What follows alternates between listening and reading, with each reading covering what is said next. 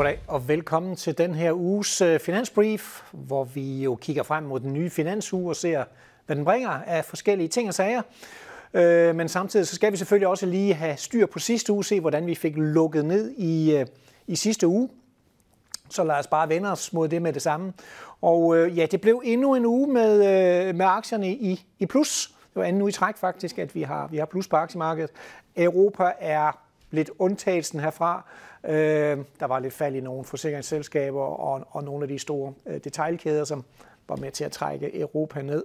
Men ellers så er der altså plusser over, øh, over hele linjen. Og jeg tror meget, det er den her optimisme omkring, at inflationen er på vej ned, der, der i virkeligheden øh, driver de positive aspekter, selvom man kan sige, man er jo samtidig på den anden side også lidt nervøs for, for vækstudsigterne. Vi kan se, at øh, renterne små stigninger, ikke noget voldsomt, i hvert fald ikke hvad vi, øh, i forhold til, hvad vi ellers har været vant til at bevægelser på renterne. Og dollaren falder en lille smule. Det er typisk også i de miljøer, hvor vi har lidt mere appetit på risiko. Og så er der altså stadigvæk lidt pres nedad på olieprisen, og det tror jeg igen, det er den her bekymring for, for væksten, så det er olieefterspørgsel, man er lidt nervøs for.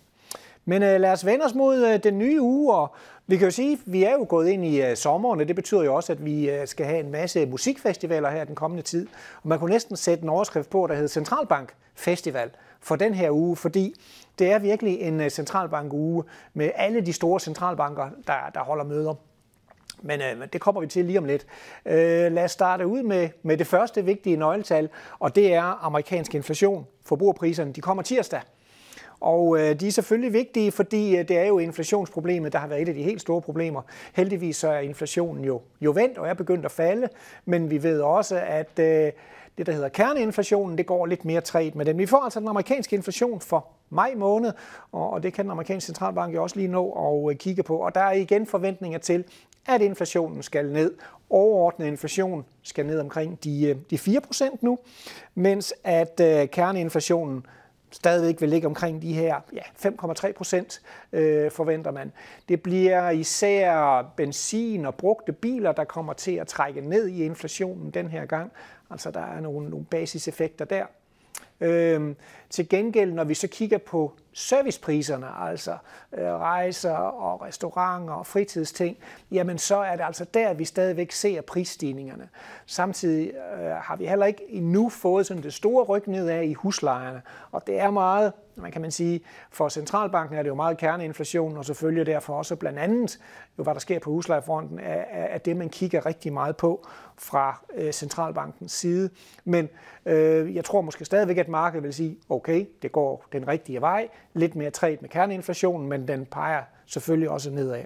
Øhm, og det er selvfølgelig det, der ligesom skal give den amerikanske centralbank et alibi for at sige, så nu kan vi holde en pause. Og den amerikanske centralbank, det er netop på onsdag, de skal holde møde, og der er rigtig stor spænding om, hvad, hvad kommer de til at gøre, fordi får vi der på onsdag den sidste renteforhøjelse for, fra Fed i, i den her omgang, eller laver de en, en pause, det er i hvert fald sådan, at øh, de fleste i markedet forventer faktisk, at Fed ikke hæver renten på onsdag. Vi ligger lidt anderledes end konsensus i og med, at vi forventer en renteforhøjelse for Fed, og det er så den sidste renteforhøjelse i, øh, i vores optik. Når vi kigger på nøgletallene derude, så synes vi stadigvæk, at de er så robuste, når vi kigger på, øh, på jobrapporten og andre, at der stadigvæk er Øh, et så robust arbejdsmarked, at der vil være brug for stadigvæk at hæve renten en sidste gang. Øh, fordi det er jo sådan, at hvis man stopper med at hæve renten, jamen, så vil markedet nok sige, okay, det var det, så kommer der ikke flere renteforhøjelser. Øh, der er en del i markedet, som spekulerer lidt i, jamen øh, det kan være, at Fed holder en pause her på onsdag, og så hæver de i juli. Øh, vi synes måske, det er sådan lidt en, en underlig taktik at skulle have, fordi markedet jo ligesom vil sige, hvis Fed holder pause, så er det fordi, så, så er det slut med renteforhøjelserne for den her gang, og så skal de altså ikke komme med flere. Der vil selvfølgelig også være fokus på øh, Pauls preskonference, der vil selvfølgelig være fokus også på de øh, prognoser, der kommer, de her såkaldte dotplots, som viser anonymt, hvordan Fed-medlemmernes renteforventninger de i virkeligheden ligger. Men, men, men hvorom alting er, om de hæver eller ej, så er vi altså tæt på, at Feds øh, renteforhøjelser har toppet for den her gang. Det store spørgsmål er selvfølgelig, okay, hvornår skal renten så den anden vej, og der er markedet noget mere optimistisk end, øh, end de fleste, inklusive os selv. Markedet tror jeg allerede, at vi skal hen ja, måske øh, en gang i efteråret, så kommer første rente nedsættelse.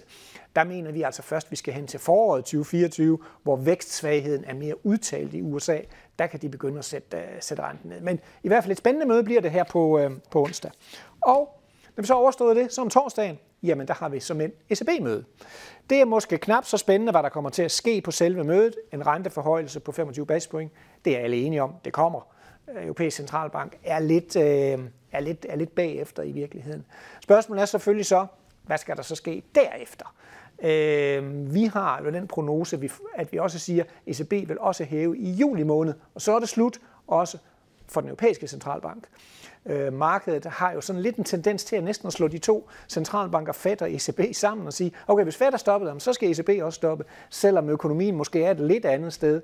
Inflationen er jo ikke kommet så langt ned i, øh, i Europa endnu, godt nok også har den, den, den, den rigtige retning, men Europa kæmper jo også med. Vi har et robust arbejdsmarked i, i Europa, som er med til at, at presse på lønningerne. Vi har nogle servicepriser, der stadigvæk øh, stiger. Øh, og, og, og det gør så altså, at, at der er nogle udfordringer for ECB. Jeg tror, ECB er jo måske, ja det ved ikke, man kan sige, de er en endnu større inflationsbekæmper end, end, end Fed, men de har i hvert fald meget fokus på, at, at markedet ikke ligesom tror, at, at, at ECB slapper af her. Så derfor vil Fed, eller for ECB nok gøre, hvad de kan, for ligesom at sige, ja, vi hæver, og vi kan ikke sige, hvornår vi er, vi er færdige. Vi er meget fokuseret på den her øh, den her inflation. For ECB der kommer der også vækst- og inflationsprognoser, som man selvfølgelig også vil, øh, vil kigge på, men selve renteforhøjelsen, den er rimelig sikker. Det vil mere med signalerne fra Lagarde øh, om de fremtidige bevægelser, de fremtidige øh, beslutninger, som man vil prøve at, at tolke ind i der for, øh, for ECB.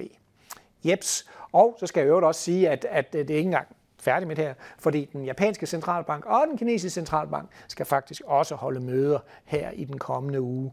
Men det er selvfølgelig ECB og Fed, der ligesom tegner retningen for, øh, for markederne. Og så bare lige for at slutte af, hvad der ellers er, jamen så får vi faktisk også lidt detaljsalg. Både for Kina og for USA. I Kina der forventer man faktisk, at vi får øh, måske lidt en moderering af tallene. Vi skal tænke på, at Kina efter at være lukket ned i april 22 i Shanghai især, så i maj måned 22, så åbner de lidt op igen. Så når man sammenligner år til år, så får vi lidt mindre detaljsalg. Stadigvæk i underkanten af 14 procent, så det er selvfølgelig øh, en, en, en, en pæn fremgang. Der vil også være industriproduktion fra Kina øh, og faste investeringer. For USA, jamen der er det også et detaljsalg for mig.